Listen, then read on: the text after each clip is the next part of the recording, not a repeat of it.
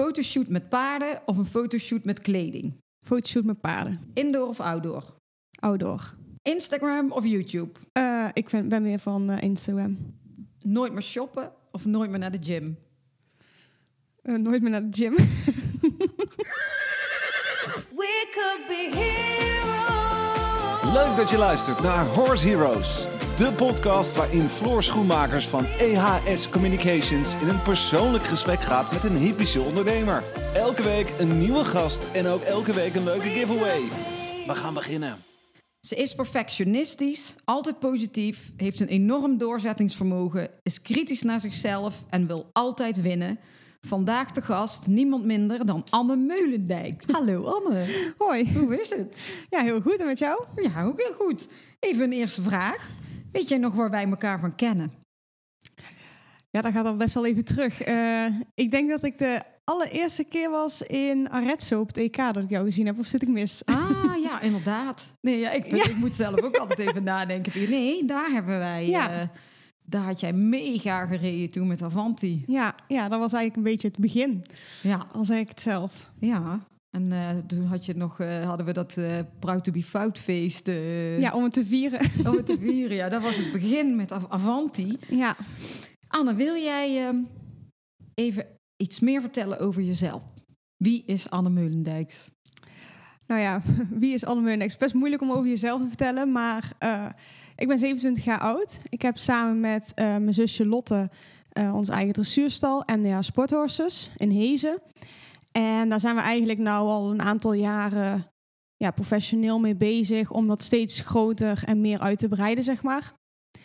Ja, tot nu toe gaat het eigenlijk best goed. Tuurlijk, het is wel heel moeilijk om echt in de paarden geld te verdienen. Maar zeker de laatste jaren gaat het echt wel uh, de goede kant op. En ook met de ja, de sportprestaties eigenlijk, zeg maar, is het ook een beetje boven verwachting gegaan. Mhm. Ik denk dat uh, mijn zusje en ik eigenlijk alle twee al best wel ambitieus zijn geweest en wel doelen hebben gehad. Maar ja, dat het zo zou gaan uh, verlopen zijn echt dromen die je als kind hebt en uh, die nou eigenlijk een beetje werkelijkheid worden. En dat is wel heel hard werken geweest. Maar wel heel erg leuk. En hoe zijn jullie begonnen? Zijn jullie tegelijkertijd begonnen met rijden, jij en Lotte? Um, nou ja, qua rijden, als je echt naar vroeger ben ik, ik ben natuurlijk drie jaar ouder, dus ik ben eerder begonnen. We zijn twee op de manege begonnen met paardrijden. En we hebben twee tantes met een manege, dus het is zeg maar, ja, we komen een beetje uit een paardenfamilie. Maar het is niet zo dat die op uh, hoog niveau of op uh, professioneel niveau uh, gereden hebben. En eigenlijk vanaf daar ben ik een keer bij Tineke Bartels aan het werk gegaan.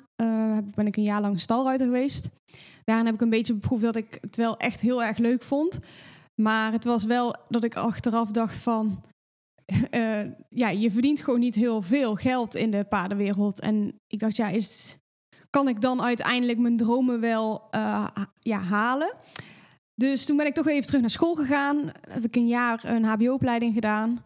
En eigenlijk toen... Als wat? Wat heb je gestudeerd? Uh, international Business. Mm -hmm. En toen uh, was Lotte eigenlijk klaar met haar VWO. En ik had toen, moest ik eigenlijk aan het tweede jaar beginnen. En toen had ik zoiets van, ik was vierde geworden op het EK met Avanti. Mijn eerste EK dan met Avanti. En ik dacht, ik wil Europees kampioen worden. Ja. En ik denk dat het gaat lukken. Maar ik had het tegen niemand gezegd. Maar ik dacht wel zoiets van, ja, ik weet niet, met dit paard gaat dat gewoon lukken. Ja. die, kan, die kan mij daar naartoe brengen. Maar dan wil ik er wel echt alles aan gedaan hebben. En op dat moment was het gewoon een beetje moeilijk om mijn sport echt 100% met uh, mijn school te combineren. Lotte die had eigenlijk een tussenjaar omdat ze niet zo goed wist wat ze wilde gaan doen. En toen zeiden we, nou, laten we een beetje gaan kijken of dat we niet onze eigen stal kunnen gaan beginnen. En toen werd ik Europees kampioen. Daar heb ik natuurlijk jou uh, ook leren kennen.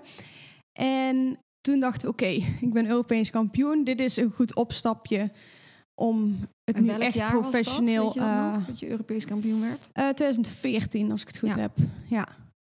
Dus en dat is eigenlijk een beetje... Ja, het was van tevoren allemaal wel een beetje, maar toen dachten we echt, oké, een soort van bevestiging van ja, we doen toch iets goed. Uh, we gaan het gewoon echt proberen met z'n tweeën.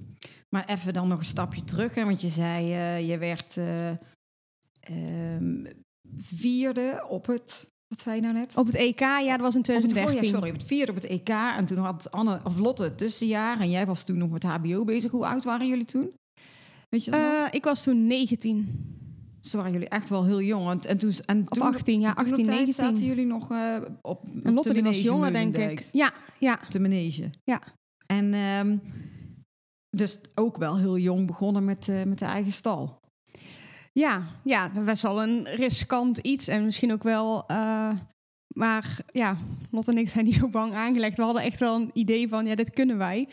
En tuurlijk, we hebben nu ook nog wel momenten dat je af en toe denkt van... Ja, het, of het loopt niet helemaal lekker. Of het, ja, het kost toch allemaal best wel veel geld in de paard. Dat je denkt van, oh, kunnen we het allemaal wel redden samen? Maar dan verzinnen we wel weer iets nieuws eh, om, om toch weer aan elkaar te breien. En, en was dit voor jullie allebei ook je, je toekomstdroom? Van we willen echt in de paarden gaan werken. Had jij dit als, van jongs af aan al? Ja, ik heb wel altijd eh, heel graag in de paarden verder gewi- eh, gewild. En Lotte eigenlijk ook. Kijk, ik had wat het enige verschil was wel, ik had natuurlijk al een keer bij Tineke mogen ervaren hoe dat was. Dus ik wist wel echt dat het iets was wat ik echt heel graag wilde. En Lotte die had die, ervaring natuurlijk nog niet. Dus op het begin was het natuurlijk wel zo dat ik ook tegen Lotte zei: is het echt wat je wil? Want Ja. het lijkt natuurlijk allemaal heel erg leuk, hè? maar uiteindelijk het is gewoon heel hard werken. En uiteindelijk vond Lotte het ook heel erg leuk. En we doen het nog iedere dag met heel veel plezier. En eigenlijk dat het sinds dat we samenwerken, eh, klikt het ook supergoed. Ja. En eh, ik hoorde jou een paar keer, ja goed, iedereen eh, kent Avanti inmiddels. Jij hebt natuurlijk hem al een paar keren genoemd. Waar eh, komt Avanti vandaan? Avanti hebben wij bij President Stables gekocht toen die zes jaar was. En eigenlijk kenden wij Avanti helemaal niet. Nee. Avanti die had wel wereldkampioenschap jonge paarden gelopen als zesjarige. En de eigenaresse van de stal die wist dat wij toen op dat moment ook op zoek waren naar een paard. En toen heeft zij ons eigenlijk benaderd van nou ik heb er eentje staan en dat is wel een hele speciale. En zo zijn we eigenlijk een beetje eh, met haar in contact gekomen om te gaan kijken bij Avanti. En toen ik erop zat, toen dacht ik wel echt van wauw. Maar het was nog niet zo dat het, dat het heel makkelijk wegrijden was of zo. Het is niet zo dat die heel moeilijk was of zo, maar het was gewoon een heel paard voor een klein meisje die natuurlijk ook gewoon nog niet alle ervaring van de wereld had. Maar toch had ik op de een of andere manier, en dat is het wat ik eigenlijk nog steeds tot de dag van vandaag heb, is dat ik nooit het gevoel heb dat Avanti iets moeilijk vindt. Nee. En de tijd, of, en sowieso de weg hier naartoe is wel heel moeilijk geweest. In de zin dat hij dus echt absoluut niet eh, altijd het braafste paard is geweest. En, maar ik denk dat het karakter wat hij heeft, maakt hem nu nou juist het allerbeste. Omdat hij het nu echt voor mij doet. En wat voor karakter heeft die? Omschrijf eh, Avanti is. Nou ja, toen we Avanti dus echt net hadden, toen zei mijn tante, die belde mijn vader op en die zei... eh, Anton, als je wil dat je kind verongelukt, moet je er op dit paard laten zitten. Wat een rotbok. maar ik zag dat zo totaal niet. En papa heeft dat eigenlijk ook nooit zo gezien. En tuurlijk, Avanti kon echt wel dingen doen dat je dacht van dat het niet echt nodig was of zo. Maar ik heb er nog nooit een moment schrik op gehad. En hij heeft ook nog nooit dingen gedaan dat je denkt van dat het echt een rotzak was.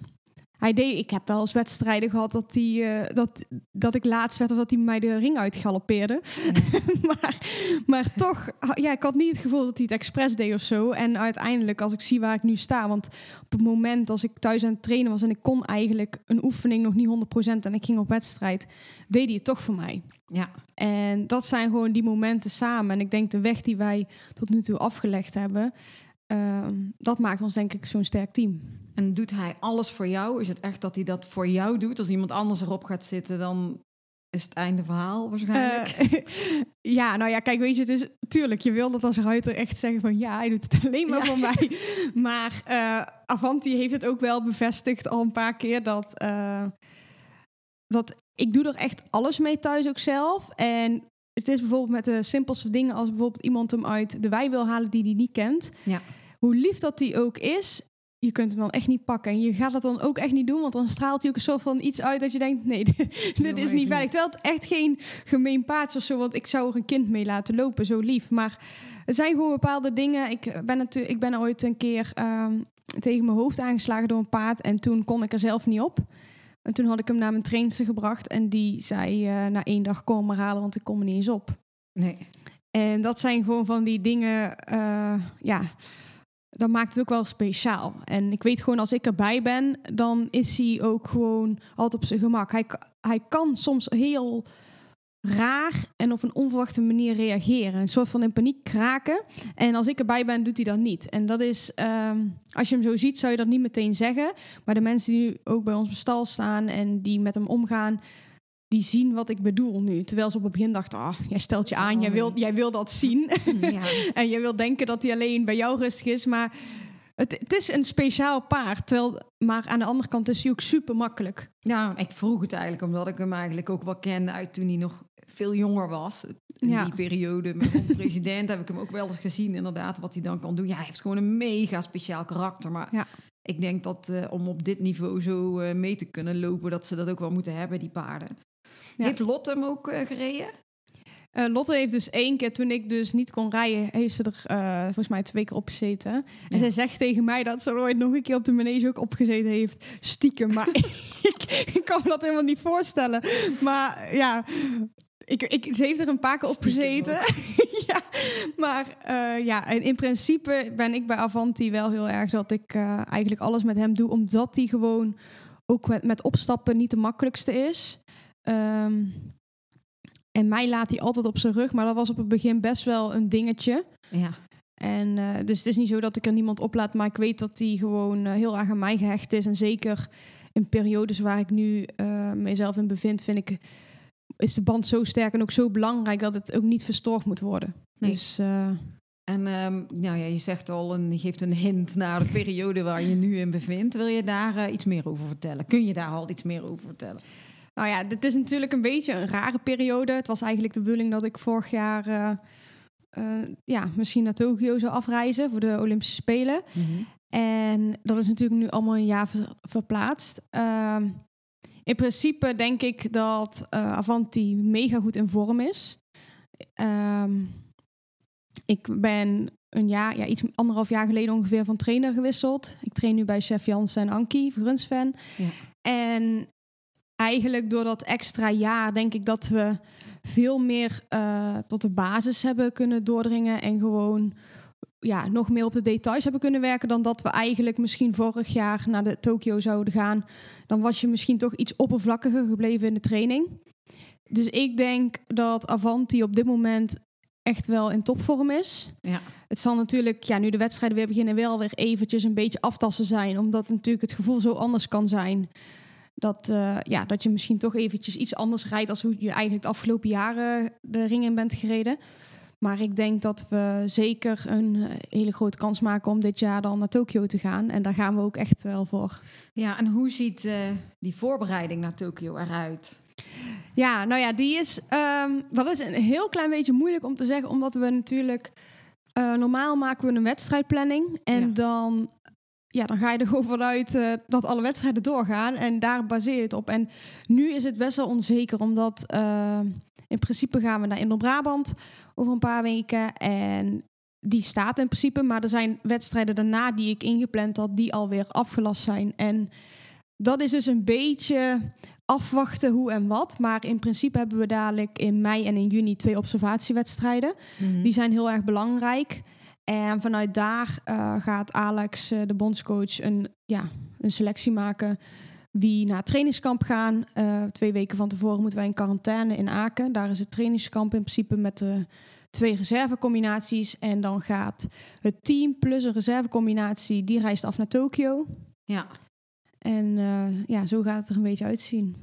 Heel anders dan, dan normaal. Hè? Jij ja. zei net ook, in de Brabant gaat um, dit jaar dus weer door onder hele speciale voorwaarden. Heb je daar al uh, meer over gehoord? Hoe je, hoe je daar naartoe moet? Wat je daarvoor moet doen als ruiter, zeg maar, van tevoren?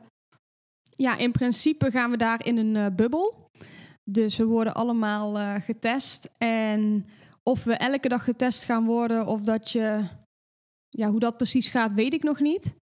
Maar in principe is het de bedoeling dat je dus echt alleen maar op het evenement zelf en op het in het hotel, zeg maar, bent.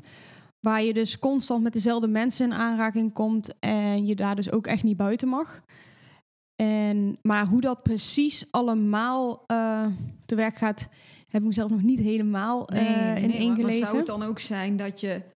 Mag je wel kijken naar de andere deelnemers? Of, of, of dat Ja, dat weet ik eigenlijk niet. Dat weet ik eigenlijk niet. Ik, eh, ik denk als je eenmaal in de bubbel bent, dat je bijvoorbeeld eh, misschien wel ergens aan de zijkant zou kunnen kijken. Want er zijn zo minimaal. Het is zo'n klein aantal mensen wat er eigenlijk is Ja. in verhouding met normaal.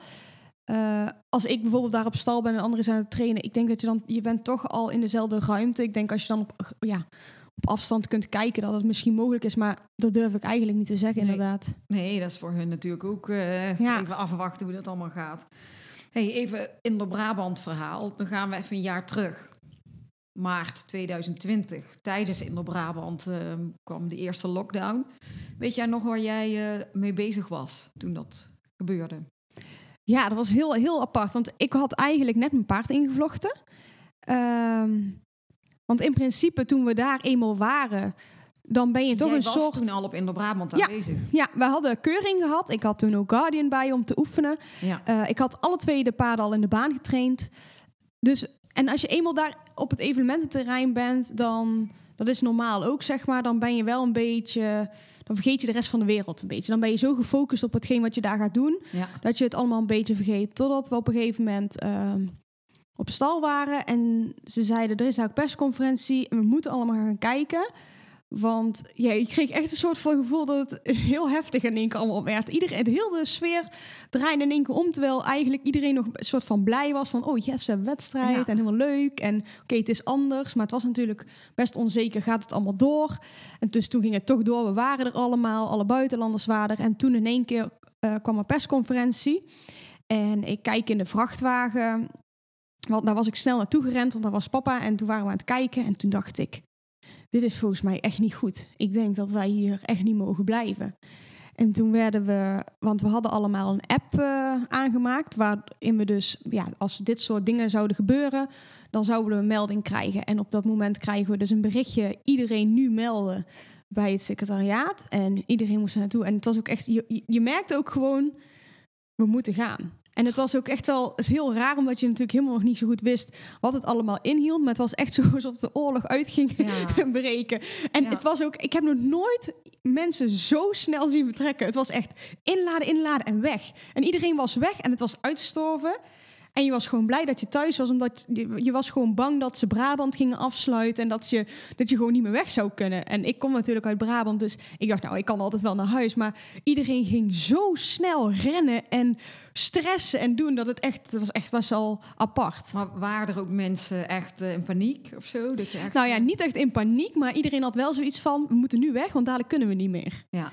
En niemand wist natuurlijk wat er daarna allemaal zou gebeuren. Ja. Bizar, hè? Als je dat nou... Ja, eh, als je dat nu te- terugdenkt, dan denk je echt. eh, ja. ja ik, ik weet het met Inderbrabant. Want wij eh, hadden die stand daar. ja, En eigenlijk de hele boel opgebouwd voor vier dagen feest. En eh, ja. toen mochten we helemaal niet meer komen, inderdaad. Ja, dat was even... Dat, dat was wel heel, eh, heel bizar. En je zei... Net ook heel even iets over Guardian. Wil je, wie is Guardian? Kun je daar heel even iets over vertellen? Nou ja, Guardian is dus het paard van eh Ankie en Chef. Dus Ankie Vergunsven en Chef Jansen. En eh, hun hebben mij benaderd eigenlijk in het jaar dat ik EK reed met eh, Avanti in Rotterdam. Of ik interesse had om Guardian te rijden. Ja. En nou ja, Ankie is van mij al vanaf jongs af aan echt wel mijn voorbeeld geweest. En tuurlijk, je kwam haar wel een keer tegen op wedstrijden en zo. En ze wist wie je was. Maar als zo mensen, terwijl je daar niet traint, toch vragen of jij je hun paard wil rijden, is wel echt, vind ik, een eer. Ja, zeker. Dus ik moest hem daar ook gaan proberen. En ik dacht echt zo, ik durf echt niet te rijden, want dadelijk doe ik iets fout. En ehm, ja, toen ben ik eigenlijk, door middel dat ik Guardian ging rijden, ehm, ben ik ook met Avanti een keer daar gaan trainen. En toen eh, heb ik dus de overstap gemaakt om bij Chef volledig te gaan trainen. Omdat ik, eh, ja, ik, ik, ik voelde dat er gewoon nog ietsjes was wat ik zeg maar moest leren en wat ik nog miste zeg maar in, in ja, als ik dat vergeleek met de rest van mijn teamleden. En ik denk ja, als iemand de meeste ervaring heeft en eigenlijk gewoon ja, de trainer ja. is, dan is Chef het wel. En als ik nu zie wat ik daar het afgelopen jaar al geleerd heb, dat is echt abnormaal. Ja. Dus eh, ja, en Guardian is eigenlijk het paard eh, wat voor Anki bedoeld was voor de Olympische Spelen. Ja. En ja, dus het is echt een heel goed paard. En voor mij natuurlijk ook een unieke kans dat ik zo'n paard te rijden krijg. Ja, want uh, wat, wat voor paard is hij? Wat voor karakter is hij als je hem vergelijkt met Avanti? Nou ja, Guardian is natuurlijk eigenlijk een dekhengst. Ja merk je totaal niks van. Hij is echt super lief. Je kunt hem echt met een merrie laten snuffelen. En hij uh, is eigenlijk nog steeds super braaf. Dus eigenlijk met rijden en qua, qua dingen van dat hij hengst is, heb je eigenlijk niet heel veel last. Tuurlijk heb je met rijden wel een beetje soms dat je dat dominante randje tegenkomt. Omdat hij daar dan hengst of zo is. Maar eigenlijk is het echt een super lief paard wat nooit eigenlijk ergens naar kijkt. Dus echt wel heel erg gefocust is op mij met rijden. Dus dat vind ik echt heel erg prettig. Het is... Uh, ja, eigenlijk een vrij normaal paard. Hij is niet mega lui, hij is niet mega heet, maar dus eigenlijk gewoon vrij stabiel daarin.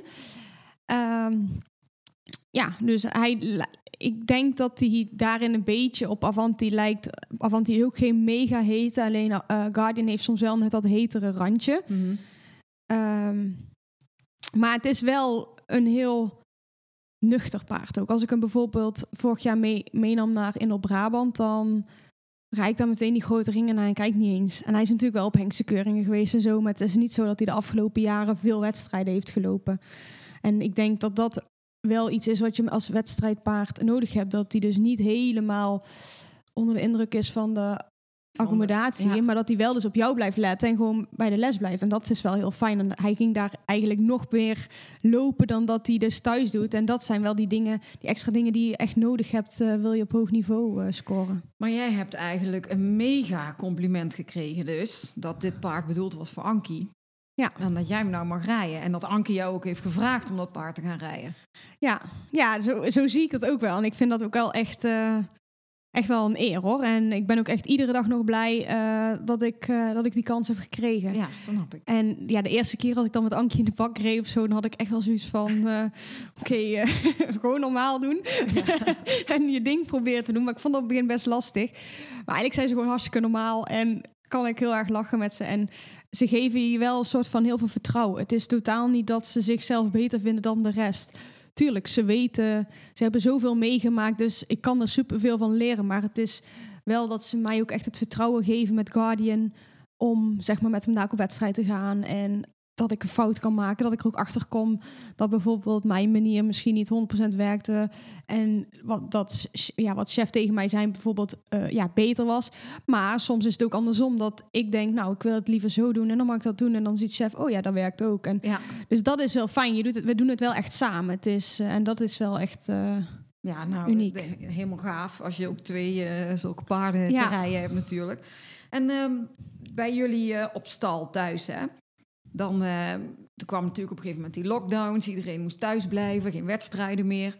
Heeft dat uh, voor jou en Lotte ook iets met je onderneming gedaan? Is dat voor jullie positief uitgevallen? Of is dat ook, mocht, mocht je nog lessen geven? Gebeurde dat allemaal nog? Of? Ja, in principe bij ons, uh, omdat het ja, eigenlijk een privéaccommodatie is en omdat wij vaak privélessen geven, uh, is het grote gedeelte wel eigenlijk doorgegaan. Tuurlijk merkte je wel dat op een gegeven moment, als er minder wedstrijden zijn en mensen geen doel meer hebben, dat bepaalde klanten niet meer komen. Maar net zoals hoe wij het hebben gezien, is dat wij eigenlijk, Lot en ik, alle twee meer aan onszelf hebben gewerkt. Dus wij hebben deze periode echt gezien aan, oké, we hebben nu net iets meer tijd. Nu gaan we aan dingen werken waar je misschien normaal niet aan toe komt. En ik denk dat dat ook wel het verschil maakt als je dat je in deze periode echt aan jezelf werkt. In plaats van dat je denkt, ja, ik heb geen wedstrijd. En we doen het even rustig aan. Nou ja, kijk, hetzelfde eigenlijk als met Avanti nu, is dat ik dus echt dingen heb aan durven pakken waar je normaal niet zo snel aan durft te zitten. Bijvoorbeeld echt gewoon terug naar de basis. Gewoon de simpele overgangen. Terwijl je normaal denkt, ja, daar heb ik geen tijd voor, want we moeten, we moeten de passage oefenen, zeg maar. En ja, ik denk als je die dingen inziet, dat je denkt van oké, het is misschien nu geen wedstrijden, maar ik ga uh, investeren in mezelf. Ik denk dat dat uh, ja, uiteindelijk wel de, ja, jezelf een beetje het onderscheid maakt tussen uh, waarom dadelijk bijvoorbeeld de ene wint en de ander niet. Ja. Uh, ja, het is toch een beetje de topsportmentaliteit of zo. In plaats van dat er, omdat er niks is, dat je gewoon thuis op de bank gaat zitten. Of dat je denkt, nou, we gaan deze periode, oké, gewoon positief bekijken. En we gaan er alles aan doen dat ik, als we weer mogen, ja, ook iedereen aan kan. Ja, precies.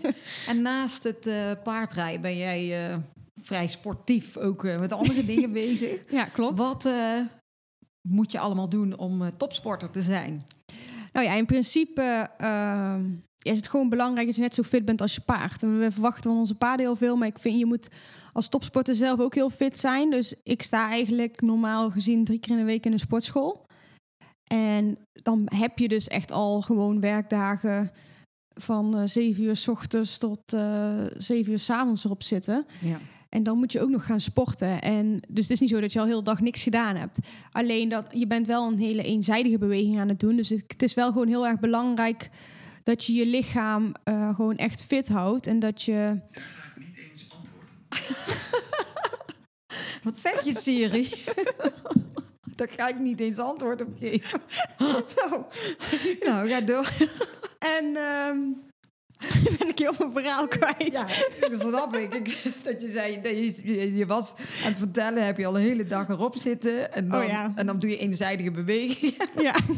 nou ja, en dus het is wel belangrijk om de spieren die eh, belangrijk zijn, om die gewoon goed te trainen. Ja. En dat je je conditie gewoon echt op peil houdt. Want eh, wij hebben drie keer in het jaar eh, conditietesten op, bij het NOC-NSF. In Papendal en ook wat andere testen en zo. En ja, daar, moet- daar moet je ook gewoon voor slagen. En je moet ook gewoon echt fit zijn. Wil je naar een spelen gaan en het is daar eh 40 graden, dan Ja. ja. ja, dat is best wel een aanslag op je lijf en op je paard. En als jij dan niet in conditie bent, dan zul je nog minder kunnen presteren. Dus het is wel, ehm, ja, je moet gewoon echt in, in, in, in topvorm zijn zelf al. Wat voor trainingen doe je dan, die drie keer per week? Ben je dan echt, eh, heb je een personal trainer? Moet je focus je op je balans of, op, of meer Ehm, kracht? Of... Nou ja, dat is eigenlijk een beetje het afgelopen jaar een beetje veranderd. Of ja, eigenlijk voor corona, zeg maar, eh, is dat een beetje veranderd. Dat ik eerst had ik eigenlijk altijd personal training, maar vooral conditiegericht vind ik dat lastig. Ik denk al als ik begin met rennen dat ik moe ben. en eh, ja, dus ik, ik vond dat lastig. En nu doe ik eigenlijk drie keer in de week vaak, eh, ja, gewoon in de sportschool is dat. ehm, dat is een heel leuk concept. Dan, ja, dan hebben ze eigenlijk cardioblokken en krachtblokken. En je weet eigenlijk niet als je naar de, tra- naar de training gaat wat je gaat doen. Ja. Dat vind ik eigenlijk al heel prettig. Maar de trainingen zijn altijd hetzelfde opgebouwd. En het is heel erg op de loopband. En ja, daar staat dan iemand naast je. En dan denk je, ja, jij bent hier de topsporter. En die andere die rent je gewoon voorbij. Dus je hebt een soort van weer een beetje wedstrijdmentaliteit. Dat je denkt, ik ga hier echt niet af. En eh, dat, dat je gewoon net iets meer doet. Bijvoorbeeld dan dat je misschien denkt dat je kan. Want ik vind met cardio dingen dat je heel snel... Ja, als je echt gewoon al best wel een zware dag erop hebt zitten... dan ben je soms ook gewoon echt moe. Maar soms ben je ook gewoon alleen dat je in je hoofd denkt dat je moe bent. En Ja. heb je echt nog wel wat meer in je lijf zitten. En dan van- vind ik het wel fijn dat je een beetje de motivatie hebt van, ehm, van iemand eh, erbij, die jou zeg maar. stimuleert om dat te doen. Ja. Hoe ziet een eh, werkdag voor eh, jou en Lotte eruit? Eh, nou ja, normaal gezien, kijk in de zomer beginnen we iets eerder, maar normaal gezien eh, geef ik om 7 uur hooi, s ochtends. En dan ga ik eventjes ontbijten en dan doen de paarden ook even hooi eten. En dan meestal beginnen we rond half acht, kwart voor acht, zeg maar. dan gaan we voeren. Ja. Gaan alle paarden naar buiten. En dan ga ik vaak, begin ik met mesten. Ja, Jullie doen zelf mesten? Ja. Oh, hoe, hoe groot is het team op stal? Eh, we zijn meestal met z'n vieren. Dus Lotte en dan ik. En dan hebben we twee mensen die ons halve dagen komen helpen. Ja. Ja, dus ik denk ook wel dat ik de ene Grand Prix ruiter ben die nog mes zelf. maar natuurlijk wil je dat wel een keer anders. Alleen, ja, op dit moment, zeker ook door corona, eh, ben ik het eigenlijk weer een beetje ook zelf gaan doen. Omdat, eh, ja, omdat, dat toen de, ja, omdat, omdat ik daar dacht van, ja, daar heb ik wel de tijd voor nou, omdat ik geen wedstrijden heb. En ja, toch weer een beetje op de kleintjes letten. Ja. Maar in principe gaan we mesten. De paarden gaan allemaal in in de wei. En dan ga ik vaak na het mesten, eh, want daar zijn we een klein uurtje mee bezig vaak. ehm, dan ga ik naar Chef en Ankie om te rijden. En daar ben ik eigenlijk dan heel de ochtend. Omdat ik daar nu sinds kort twee paarden rij in plaats van alleen Guardian. En dan smiddags ga ik eigenlijk al eh, mijn eigen paarden rijden. Ja. En dan zijn ze vaak dus al buiten geweest en een keer in de molen geweest. En dan s'avonds geef je vaak eh, les. Dus eh, lange dagen. Ja, Ook lange dagen, eh, ja. Jullie elke keer. Nee, en ehm, hey, we hebben een stukje over de sporten gehad en hoe die lange werkdagen eruit zien. Hoe, eh, wat doe jij nog met je voeding ook als topsporter? Zul je daar ehm, ook bepalen, dan mag je geen appelflappen die hier nou voor je staan eigenlijk. Nee. Nou ja, kijk, ehm, we doen natuurlijk veel, dus we kunnen ook eigenlijk best veel eten. En ik hou ook echt wel van een appelflap en een taartje op zijn tijd. Alleen ik weet, omdat, ik, omdat we gewoon hard werken, dat we ook goed voor ons lijf moeten zorgen. Dus ik probeer eigenlijk altijd eh, door de week een beetje mijn balans te houden. Dat ik dan echt goed op mijn voeding let. Gewoon veel eetmomenten per dag neem. Goed ontbijt. ehm, en gewoon een beetje oplet dat ik gewoon niet te veel snoep en zo. Kan, kan je iets, wat eet jij? Gewoon ben ik benieuwd. Wat Oké, eet je nou, nou, als ja, wat ik eet is bijvoorbeeld... eh, ik begin eigenlijk 's ochtends...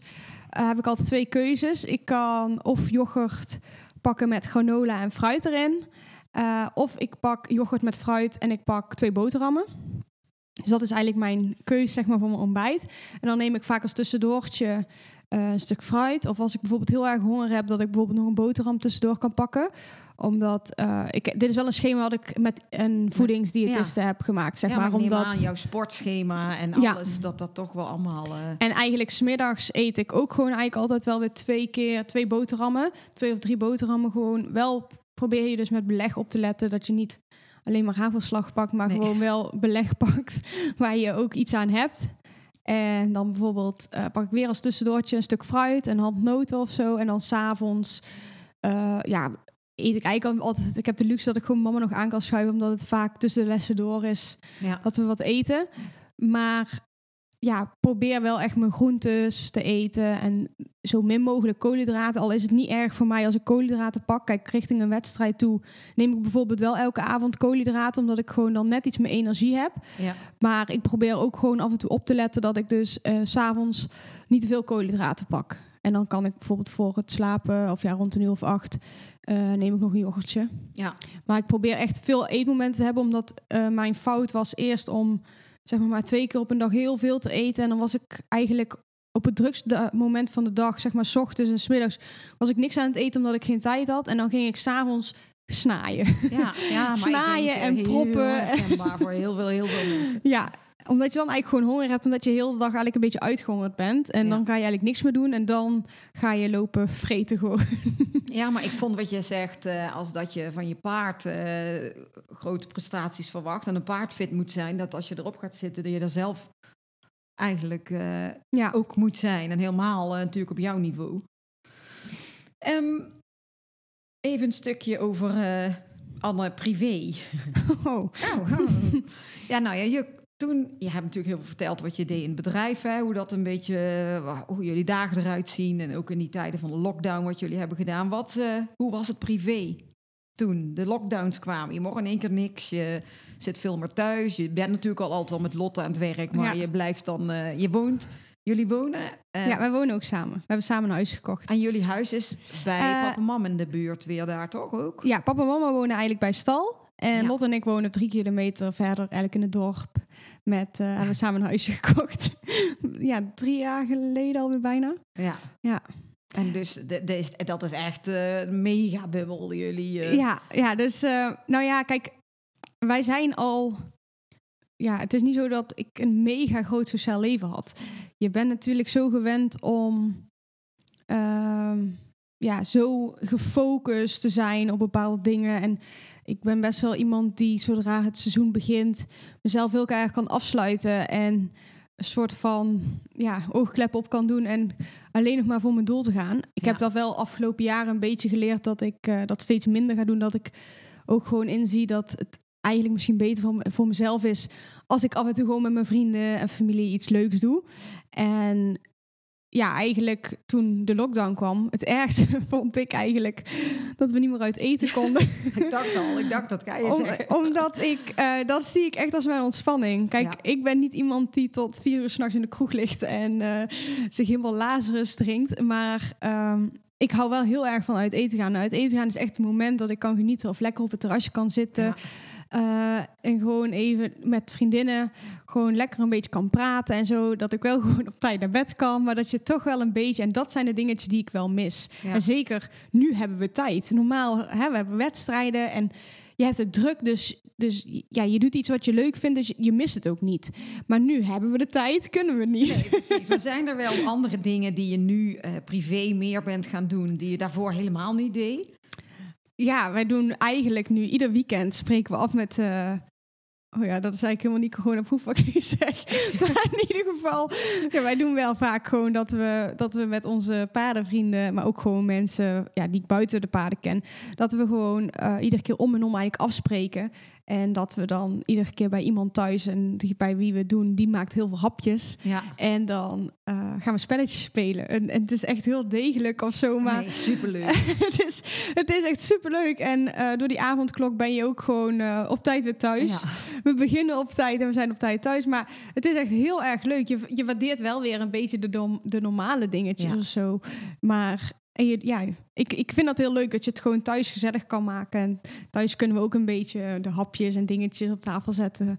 Ja, maar dat is ook wel. Je gaat toch eh, een andere manier eh, kleinere dingen belangrijk vinden Ja. dan. En misschien ook wel wat meer tijd hebben voor eh, vriendinnen die je da- daarvoor minder zag.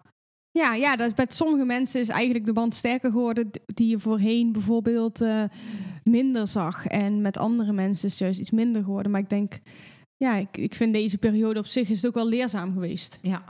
Is er, eh, is er, is er iets in die hele periode eh, wat, wat jou eh, heel veel heeft veranderd? Waardoor je anders bent gaan denken of dingen bent gaan inzien?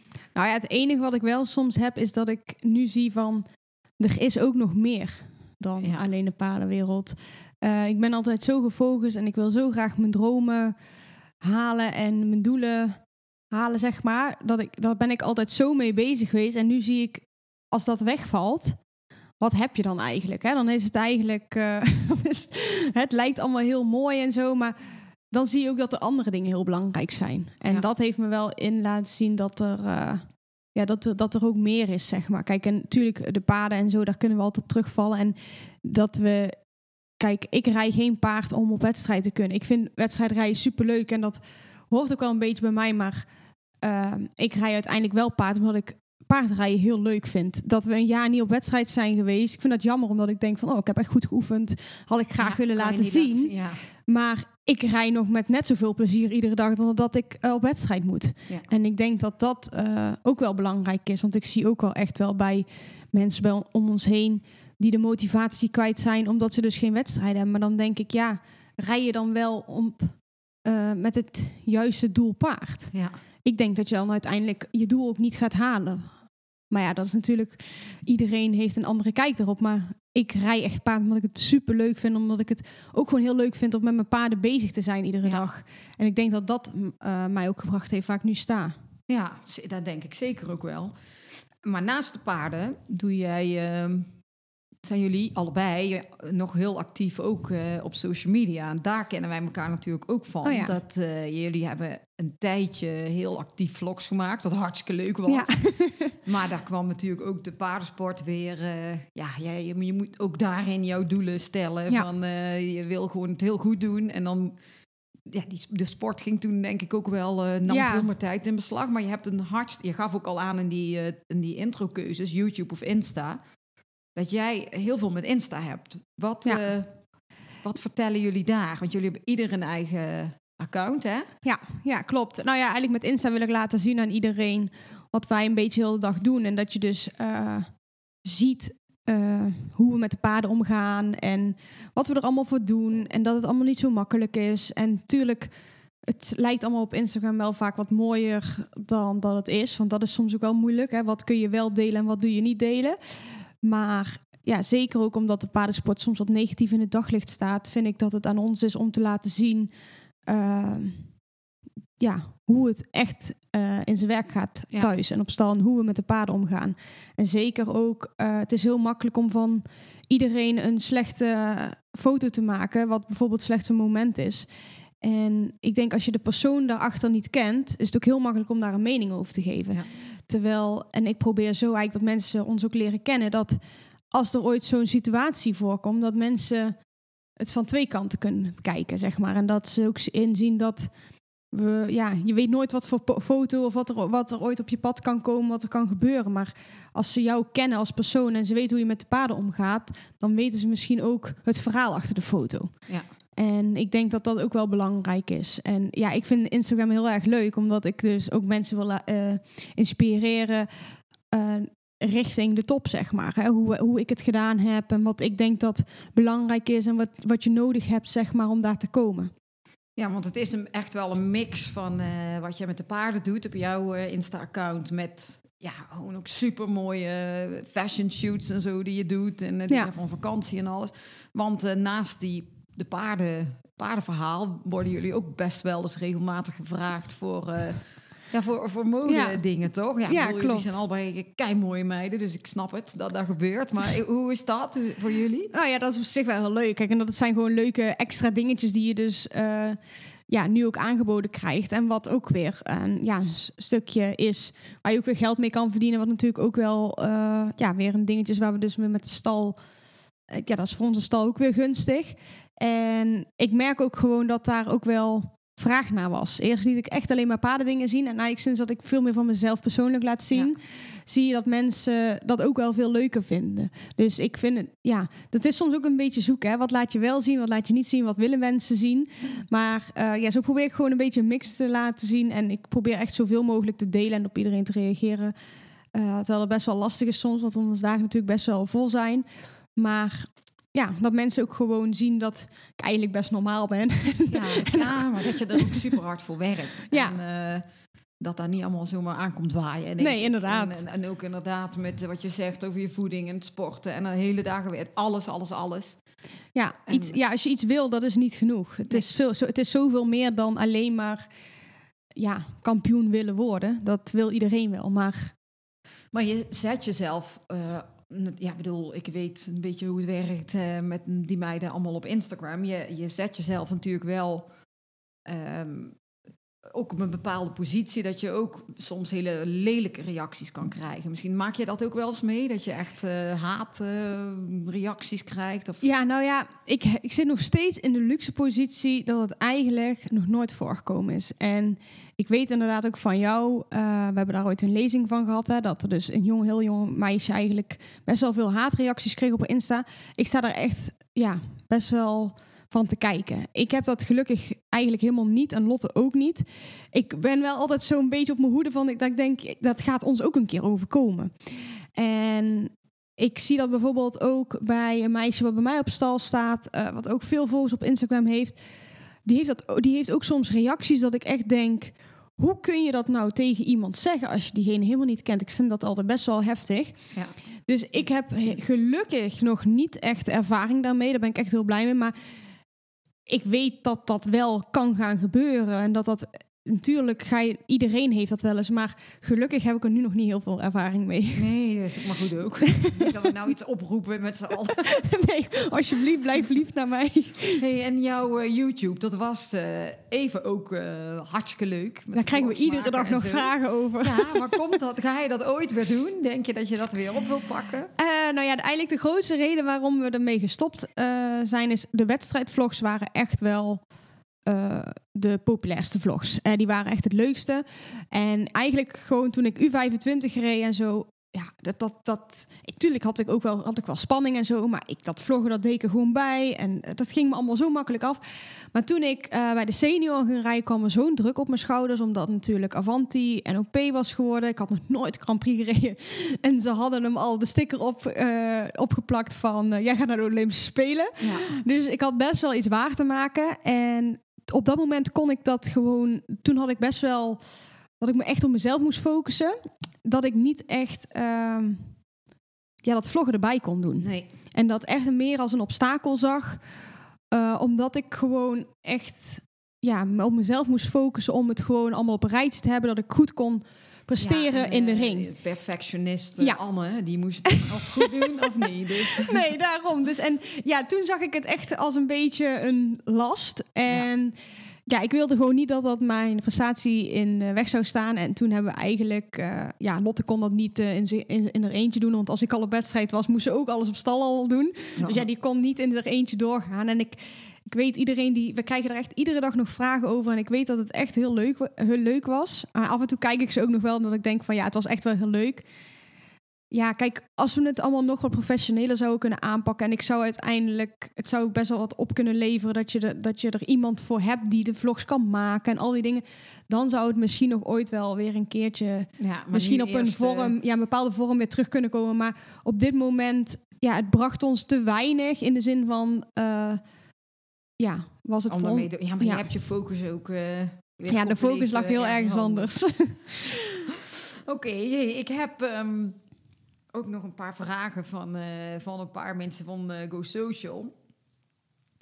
Iels van de Wouw die vroeg: Merk je dat je bekendheid op social media ook invloed heeft op de verkoop van, van jullie paarden? Oh, dat is een goede vraag. ja, zeker. Zeker. Want eigenlijk doordat op social media nou een groot bereik hebben, is het als je een video plaatst, dat je ook echt wel heel veel mensen bereikt. Waardoor we eigenlijk afgelopen tijd twee paarden ja, heel makkelijk verkocht hebben. Als ik het vergelijk met, uh, met voorheen. Doordat je gewoon heel simpel uh, een filmpje van 10 seconden maar op Instagram zet. En die je erbij zet dat die voor sale is. En mensen bellen meteen, ze komen kijken en hij is verkocht. Ja. Dus, ik, dus dat is echt wel door, door Instagram en social media is het veel makkelijker om meer mensen te bereiken. Ja, en ook omdat je denk ik ook een soort um, vertrouwen uh, creëert op een gegeven moment met jouw volgers. En dat je zoveel daar laat zien dat mensen ook. Uh, en ze leren misschien ook de paden een beetje kennen die wij rijden. En ja, natuurlijk. Dus, dus misschien is dat ook wel dat het extra meehelpt uh, met de verkoop, inderdaad. Ja. En uh, Veri Zuidgeest die had een vraag: wat zijn de voor- en nadelen van het samenwerken met een zus? nou ja, de voordelen is je kent elkaar heel goed en we hebben ja ik denk dat wij een luxe positie hebben dat wij dus heel goed overeen kunnen met elkaar. Uh, wij zijn heel verschillend en ik denk dat dat nou juist heel goed werkt. Als je ons eigenlijk zou zien, wij zijn eigenlijk net papa en mama qua eigenschappen. Dus daarom klikt het denk ik zo goed. Als wij heel erg op elkaar zouden lijken, dan zou het denk ik veel meer botsen. Ja. En uh, je pikt ook wel veel meer van elkaar. Dus ik denk, ja, we zijn elkaar nooit beu. Want zodra we klaar zijn met werken, gaan we weer samen naar vrienden bijvoorbeeld. dus het is nooit. We zijn ook echt altijd samen. Um, ja, zo, dat hebben we denk ik ook zelf gewoon een beetje gecreëerd. Dat vinden we ook fijn. Um, ik denk, ja, het voordeel ervan ook is dat je als je ruzie hebt, iedereen heeft wel eens ruzie. Het is niet zo dat het bij ons vaak voorkomt, maar je kunt echt wel een keer tegen elkaar schreeuwen, zo van dat je het er niet mee eens bent of zo. Maar je hoeft het daarna ook niet uit te praten. Nee. nee. je bent, want met, bijvoorbeeld met een onbekende, die kan dan ergens mee zitten en dan moet je het uitpraten en dan moet je sorry zeggen. Maar dat is bij zusjes of zo. Bij ons hoeft dat niet. Als ik een keer lelijk gedaan heb of lot het naar mij, en je zit daarna een uur later aan de, aan de keukentafel, dan is het toch vergeten. Ja. en ik denk dat dat wel echt voordelen zijn. Een nadeel. Um, ja, het is soms heel eigen en zo. En ja, misschien soms dat je wel eens een keer iets roept naar elkaar wat je misschien uiteindelijk niet helemaal meent of zo. Uh, ja. Dat kan wel eens ooit, maar uh, ja, ook dat is dan wel weer. Is er ooit uh, jaloezie? Nee, ik jullie? denk het eigenlijk niet. Um, ik denk ook wel dat als het bijvoorbeeld andersom zou zijn geweest, uh, ja, dan ben ik ook wel eerlijk genoeg dat ik denk dat het dan moeilijker was, zeg maar. Um, ja, ik heb wel echt uh, dat ik echt alles ervoor doe om mijn dingen te halen en te doen. En Lotte is iets meer, als ook wel eens aan anderen denkt. En ik ja. denk dat dat ook wel onze kracht uiteindelijk samen is. Um, ja, Lotte gunt het mij ook gewoon heel erg. En van het succes wat ik heb, uh, gaat zij natuurlijk ook weer in mee. Ja. Uh, tuurlijk wil zij ook wat, wat, wat, wat ik wil. Alleen, ik weet niet of ze het allerlaatste stukje, misschien wat ik ergens voor zou doen, of dat zij dat ook zou doen. Dus, uh, maar ja, dat weet je eigenlijk ook pas op het moment dat het moet gebeuren. Wat is het grootste verschil tussen, tussen jou en Lotte? Ja, ik ben denk ik egoïstischer. Ja, ik denk dat ik uh, echt een stukje egoïstischer ben en ja, dus echt 200% voor mijn doel ga en uh, daar echt alles voor opzij zet. Ja. En Lotte die zal op dat moment uh, ook een keer aan andere mensen denken. Ja. En ik denk dat dat het grootste verschil is tussen ons. Maar jij zei straks ook weer heel mooi van wij zijn net als papa en mama. En ja. wie is papa wie is mama? Ik ben papa, Lotte jij bent mama. Papa. ja. ja, want uh, jij zei uh, de stal heet MDH Sporthorses. Ja. Waar komt die naam vandaan? Ehm, nou ja, eigenlijk heeft papa dat volgens mij ooit bedacht. Ja, misschien wij wel een beetje de, eh, in mee, maar papa's bedrijven heten zeg maar MDH Rondhout en MD Hols. Ja. En ehm, ja, zo is het MDH. dat hadden we altijd al voor de paden staan. Eh, dus MDH Sporthorses. En uiteindelijk zijn we er ook wel achteraf achter gekomen. Het is Meulendijks Dressage Horses. En dat hebben we er dus nu van gemaakt. Maar het is niet zo dat we het dus eigenlijk zo Vooraf hebben bedacht. Eh, het is eigenlijk dat je denkt, oh ja, dat, dat is Dat gewoon is zo. En dan denk ik, oh ja, dat klopt. Maar eigenlijk, het is niet zo dat we dat zelf helemaal zo bedacht hebben. Zo. Ja, maar het is ook wel weer mooi dat het een link naar eh, de, het bedrijf van je vader is, toch? Ja, weer. Ja, ja Dat dus eh, ja. familieverhaal. Want jullie zijn een hele sterke familie ook wel, toch? Ja, Zo met ja. z'n vieren. Ehm, ik had nog een vraag van eh, Melissa van, eh van Bretlander, dat Insta-account. Eh, wie is altijd jouw grootste voorbeeld geweest? Hebben we eigenlijk al een beetje gehoord. Ja, hebben we maar- natuurlijk al een beetje gehad. Eh, ja, Ankie is voor mij wel echt altijd mijn grootste voorbeeld geweest. En tuurlijk, ik kijk naar alle ruiters op eh, waar ik mee rij. De eerste keer dat ik daartussen reed, dacht ik echt, wat doe ik hier?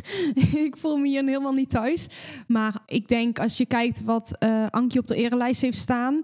Ja, dat, dat zou ik het liefste ook doen. En ik, ja, als jij meerdere malen Olympisch goud kunt halen... dat, zijn wel, dat doet, heeft bijna niemand haar nagedaan.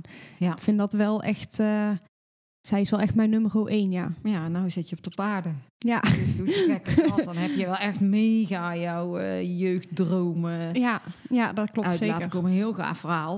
Ik heb nog één laatste vraag. Ehm, die kwam van eh Sophie de Laak. Dat is iemand, een luisteraar van de Horse Heroes podcast. Ehm, die vraagt, heb je soms ook wel eens minder motivatie om wat met de paarden te gaan doen? Ehm, nou ja, eigenlijk niet. Het is in principe...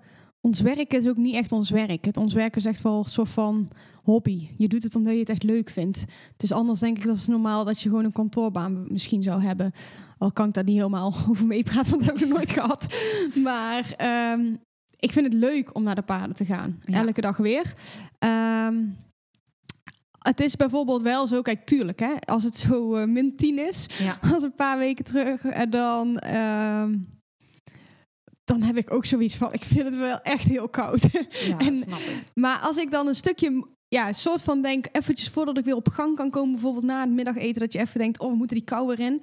Dan ga ik eigenlijk altijd iets met Avanti doen. Want daar heb ik altijd zin in. Ik heb altijd zin om iets met Avanti te doen. Dus dan doe ik die. Of dan begin ik daarmee. Dan, en dan zit ik weer in het ritme en dan is het weer goed. Ja. Dus, eh, want ja, tuurlijk, iedereen heeft wel zijn lievelingspaard. En, dat je, en een paard waar je af en toe denkt, daar heb je iets minder mee bijvoorbeeld.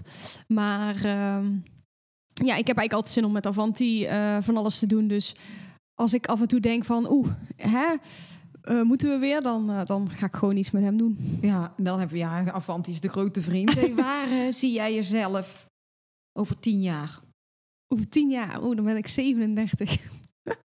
Eh, waar zie ik mezelf dan? Ja, ik hoop nog eigenlijk nog steeds waar ik nu sta. Of in ieder geval nog, maar dan wel meer kampioenschappen gereden te hebben op het hoogste niveau. Maar en misschien een Olympische Spelen of, of meerdere. Ja, Eh, maar in ieder geval dat ik wel dit niveau kan blijven rijden. Kijk, eh, Avanti wordt natuurlijk ouder. En ik eh, heb natuurlijk Guardian die hem dadelijk op kan volgen. Maar ja, Guardian is natuurlijk niet van mij. Dus het is natuurlijk ook altijd maar de vraag hè, wat ze daarmee gaan doen. Ehm, dus het is altijd natuurlijk een beetje afwachten. Maar ja, dit, sinds dat ik op dit niveau mee kan rijden en die mooie wedstrijden mee kan doen, is dat wel echt iets wat, waar ik heel gelukkig van word. Dus ik hoop wel eigenlijk dat ik over tien jaar nog steeds dit zou kunnen doen. ja, zeker wel. Ik ben heel benieuwd eh, over tien jaar als wij elkaar dan nog een keer spreken Ja. wat je allemaal gedaan hebt. Hey Anne, super bedankt dat je eh, hier was. Dat je mee wilde, eh, als gast aanwezig wilde zijn in Horse Heroes. Degene die meer willen weten over jou, waar kunnen we die laten kijken? Waar moeten die zijn? Eh, nou ja, op Instagram kun je kijken bij Anne Meulendijks. En mijn zusje is Lotte Meulendijks. Ja. Volgens mij is er een laag streepje ertussen. En ehm, ja, onze stal, al ben ik heel eerlijk, daar doen wij wel wat minder mee, is MDH Sporthorses op Instagram. En eigenlijk is Instagram wel hetgeen waar wij het meeste mee doen. Ja. Ja. Maar dat is gewoon het beste als ze willen weten hoe jouw eh, sportcarrière verder gaat. Gewoon eh, Anne Meulendijks volgen. Ja. En, Ja. en Lotte natuurlijk ook. Hey, ehm, heb je ook nog ehm, iets leuks om weg te geven aan eh, de luisteraars? Nou ja, ik dacht, het is misschien wel leuk om een polo van onze stal weg te geven met handtekening van mij en Lotte erop. Ja, zeker. Omdat wij wel eens vaker eh, andere giveaways en zo doen, maar dit hebben we eigenlijk nog nooit gedaan. Dus dit is echt een polo uh, van onze stal, zeg maar. Die heeft ook niemand, die kun je ook nooit uh, kopen ergens. Nee. En ja, dan met uh, handtekening van mij en Lotte erop. Ja, superleuk. Nou, wat moet je daarvoor doen?